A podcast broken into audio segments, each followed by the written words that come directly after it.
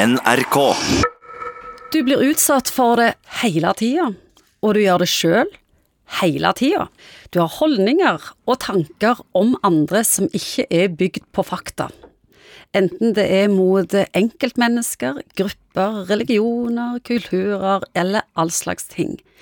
Egon Hagen, hvordan oppstår fordommer? Fordommer er nok uttrykk for en sånn mental lathet. Du kategoriserer og lager en sjablong som gjør at du kan umiddelbart forstå egen situasjon eller mennesker eller grupper av mennesker.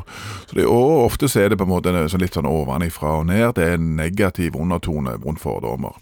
Stigmatiserende, negative, ofte nedlatende. De stemmer jo ofte, og så er det økonomisk òg å tenke litt sånn. Ja, men vi er jo, vi er jo økonomiserende, og vi ønsker på en måte å jump to conclusions så ofte vi kan.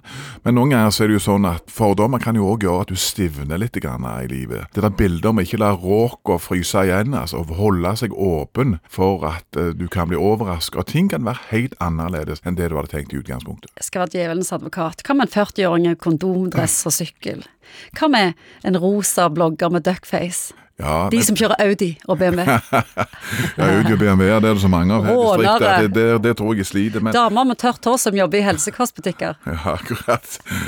Hooligans og journalister og psykologer. Ja, ja, det kan du si. Ja, men vi har vel eh, Det stemmer jo mye det folk tenker om oss. Ja, du kan si noe av det stemmer jo. Det er jo det med klisjeer, at det er jo eh, Det er irriterende noen ganger når du òg kan beskrive eh, virkeligheten så fordømt godt som du kan gjøre.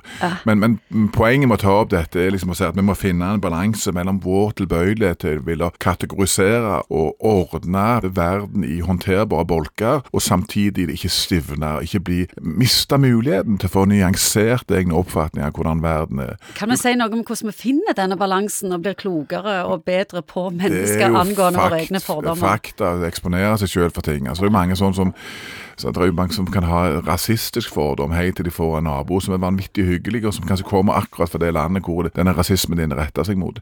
Så det er jo ingenting som er så ødeleggende for fordommer, det å få, få ny kunnskap. Så det er, det er noe med det der litt fordummende, litt det stivnende, litt det der konserverende rundt det å ha fordommer, som er problematisk. Og det å oppdage at verden er jo fordømt mye mer nyanserte, sammensatte og mangfoldige. Det er deilig å bli overraska av Ja, det. er det er det. ikke jeg aldri trodd. Jeg trodde liksom nordlendinger liksom var sånn, og trøndere var sånn. Og så oppdager du at eh, Men sorry, seiler, altså, dette er helt annerledes. Og, det, og hvis du kan ta det inn og nyansere litt på oppfattelsene dine, så har ikke de råk heller frøset helt igjen.